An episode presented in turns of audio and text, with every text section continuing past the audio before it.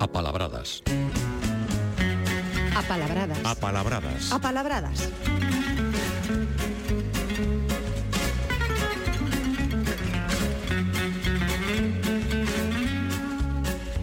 Xa me acompaña, como é habitual, Paulino Novo. Moi bons días. Que tal, bos días. Estábamos aquí, por certo, comentando, déxame que o comparta con nosa audiencia, sobre todo cando un era máis, máis, bueno, cando era novo, novo de verdade, elevaba as palmas, eh? eh bueno, ti decíasme que na túa zona, por Meira, que non era tanto domingo de Ramos, senón sí, o día anterior, tal día como hoxe. O sábado, sí, sí, mm. íamos con, con Ramos que a meu padre e íbamos cortar de, de Loureiro íamos, e incluso había así media competición a ver quen levaba o ramo máis grande, grande máis, que despois repartíamos en ramiños para, para que nos pedía porque eso vale despois para, para, para ter nas cociñas. Unha tradición dende logo ben bonita non está de máis recordar eh, esas cousas que, que sí, tamén están sí. na nosa memoria non?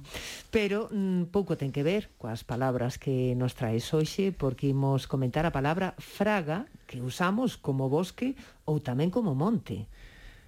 Sí, a verdade é que usamos, eh, usamos incluso o mellor máis monte ou, ou bosque, e fraga o mellor menos, pero bueno, usámola tamén, non? Cose, no sentido dun terreo con moita vegetación, é moito, é moito arboredo, non?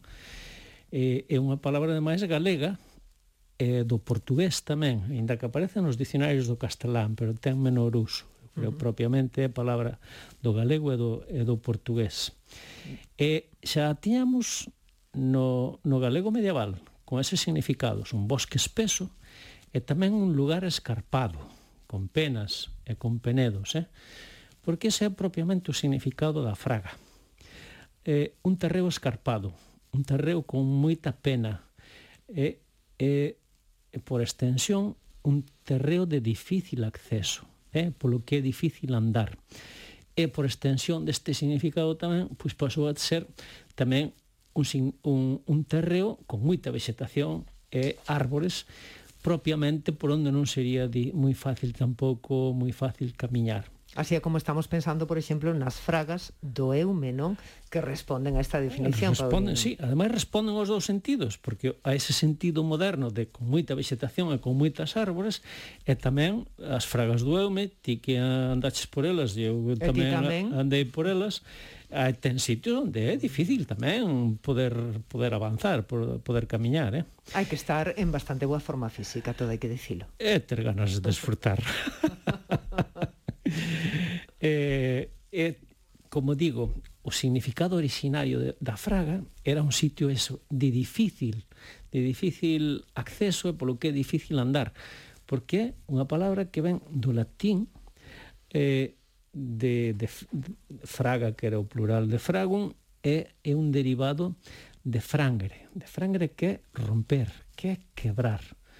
Non, é un derivado que dá varias voltas a, a través de fragor e de fragosos, fragosos que en latín tamén, fragum era un terreo escarpado, e fragosos tamén era un terreo escarpado, aínda que despois xa iba significando tamén un terreo con, con moita vegetación, non?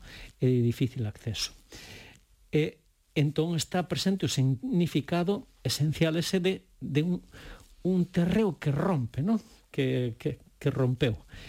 De feito, este frangre dirás ti, pois ao mellor romper co terreo non ten moito sentido. Pois sí, e de feito o verbo frangere témolo mm, é prolífico no galego. Temos cantidad de palabras que teñen que son descendentes deste, deste verbo latino, entre eles, pois, fractura, por exemplo, ou faragulla. Temos moitísimas palabras, pero para os terreos ainda temos outras dúas palabras que teñen esta procedencia tamén de frangre, de, de romper que unha é, eh, freixa, que é unha fervenza, tamén, porque rompe o terreo, e por onde rompe o terreo escorre a auga, cae a auga, non?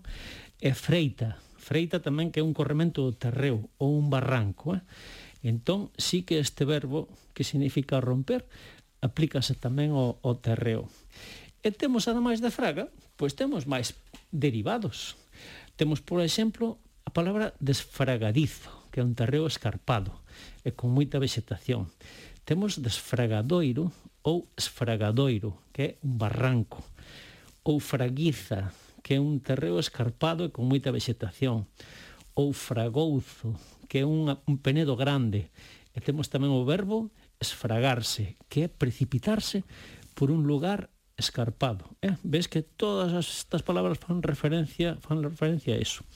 E temos un derivado máis que é fragueiro, que ten en portugués e en galego. E en Fragueiro aplícase, xa verás ti, como entendémolo perfectamente, eh, a persoa que vai ao monte cortar madeira. Eh? Uh -huh. E por extensión é tamén a persoa que se dedica ao negocio da madeira. E é tamén a persoa que fai carros coa madeira de, da Fraga. E é a persoa que tamén fai barcos nas carpinterías de Ribeira, con esa madeira que se foi buscar ao monte.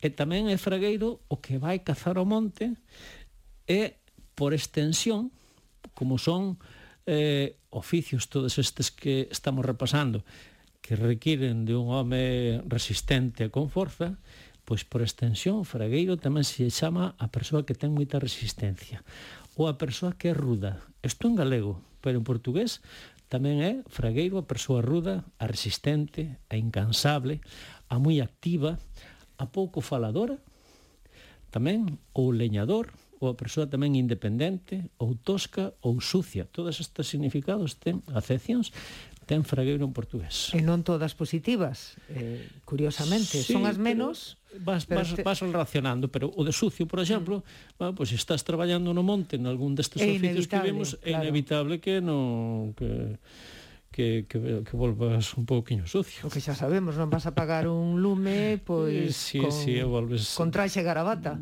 Exactamente, sí. En fin, Paulino, eh, estábame lembrando, eh, claro, con tantas posibilidades, eh, eh, esa fraga, as fragas do, do Eume, que é unha tamén maravillosa oportunidade para poder visitar eh, durante a Semana Santa. Sí, además é que están chegas enseguida, o acceso é moi, é moi fácil, é moi rápido, e, po, e podes ti marcar que distancia que mm. distancia percorres cando te canses ou segundo esteas de forma pois das a volta antes ou despois. E quen di unha fraga, pois di unha fervenza, estou pensando mesmo na fervenza da Toxa, nas terras do Deza. Tamén, que hai máis cerca, de Santiago. Sí, continuamos, porque de vez en cando, Paulino, traes palabras que coñecemos e usamos con significado que non é originario. E iso está ben, a, a lingua sempre dis que afan as, as persoas, e a lingua está viva, pero aquí nesta colaboración gustanos lembrar que algunhas palabras comezaron significando outra cousa, e iso iso precisamente é o que lle sucede a absurdo. Sí, sí, absurdo. Oxe, a, absurdo é algo contrario á razón, contrario ao sentido común, contrario á lógica. Isto como adxetivo. E como sustantivo, un absurdo, pois é un dito ou algo que se fai que ten estas características que acabamos de ver. Hai na, na literatura e o teatro do absurdo teatro do mediados do século XX en Europa, sobre todo en Francia, que era un teatro con trazos existencialistas que cuestionaba sociedade, ser humano, e no que recordamos a Sartre, a Camus, a, a Beckett, con Esperando a Godot, a Ionescu, coa cantante Os grandes Car exponentes. Calva, non? Sí. Pero este absurdo tiña un significado anterior, latino, absurdos. E absurdos empezou sendo o que percibe mal os sons, o que non oe ben. E por extensión, é o que desafina ou desentoa, perdón tamén, é agora, agora sí, por extensión, disparatado ou desatinado.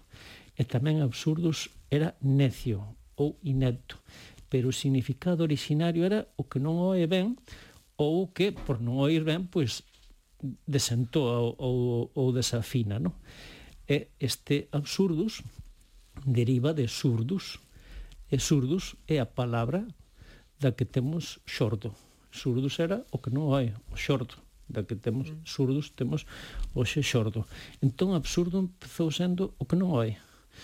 E, tamén, bueno, pois o que non hai acaba o que non hai ou non atende ou non quero ir ou non quero atender pois acaba facendo cousas sen, sen sentido absurdas eh?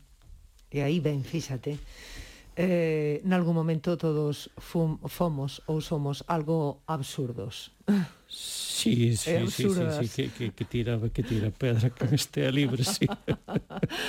E para rematar, Paulino, sabes que non marchas sen deixarnos unha palabra pouco usada por se alguén a quere recuperar ou para comprobar que hai moitas máis das que manexamos a diario. Oxe traes froia. A que me ten que soar?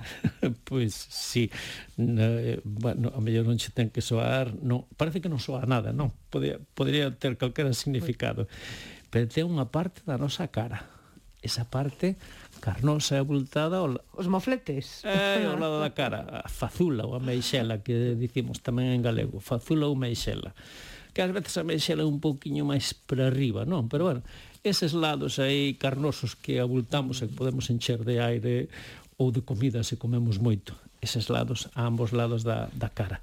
Unha froia eh? e, e tamén chamamos froia ou froieiro a persoa que ten esas fazulas abultadas por ser gordo ou polo que sexa. Ou por constitución. E tamén por extensión a persoa que come moito. E aínda por extensión do que come moito tamén a persoa a persoa gorda, eh? É unha palabra que, bueno, para quen queira enredarse coas etimoloxías, eh, dá moito, dá moito que facer. A palabra complexa e de orixe contro, controvertida. Eh? É posible que estea relacionada cunha palabra que teñen en portugués, que é froña, saco, ou froño amplo. Da primeira ben enfroñado, que é disfrazado. E é posible que estea tamén relacionada, e se non relacionada, influída, polo menos, co castelán orondo, eh? que é propiamente eh, é oco, hinchado, aínda que despois tamén por extensión Orondo en castelán acaba sendo gordo, eh? pero propiamente Orondo é oco hinchado. E con ese Orondo do castelán pode estar relacionado ou emparentado en algún momento ou influído o noso froia, froia, a fazula, a meixela. Pois vouche dicir unha cousa, Paulino, se todo vai ben como está previsto, aí está esa recomendación que o mellor pois eh, podemos seguir porque eh, deixaremos de eh, utilizar as máscaras no interior. Non o sabemos aínda porque depende, lóxicamente, un pouco da, da, do que decida cada, cada empresa. Pero o que quero decir é que podemos vernos as fazulas en breve. Sí, es, non é aquí dentro, porque eh, dependerá do que se decida, que de momento denos tamén bastantes bons resultados andar andar con máscara dentro da radio e da televisión, pero polo menos fora sí que xa nos poderemos un pouquiño empezar a volver as caras, a, a ver as caras. Paulino Novo, como sempre, moitas grazas. Eh, espero que goces da, da Semana Santa e dun descanso máis que merecido. Foi un placer, igualmente.